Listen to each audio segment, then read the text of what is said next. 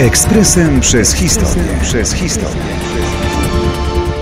17 lutego 1965 roku NASA wystrzeliła sondę księżycową Ranger 8.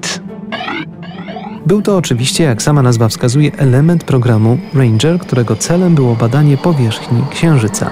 Chodziło o wykonanie zdjęć srebrnego globu z jak najbliższej odległości. Z góry więc zakładano zdarzenie sondy z powierzchnią Księżyca. Miało to przynieść cenne informacje potrzebne do przygotowania w przyszłości lotu załogowego. Start rakiety nośnej przebiegł zgodnie z założeniami. Statek najpierw znalazł się na tzw. Tak orbicie parkingowej na wysokości około 185 km. Później specjalny człon rakiety umieścił sondę na trajektorii zderzeniowej z Księżycem. Zaczął się najbardziej pasjonujący fragment misji. Ranger 8 dotarł do Księżyca już 20 lutego, trzy dni po rozpoczęciu misji.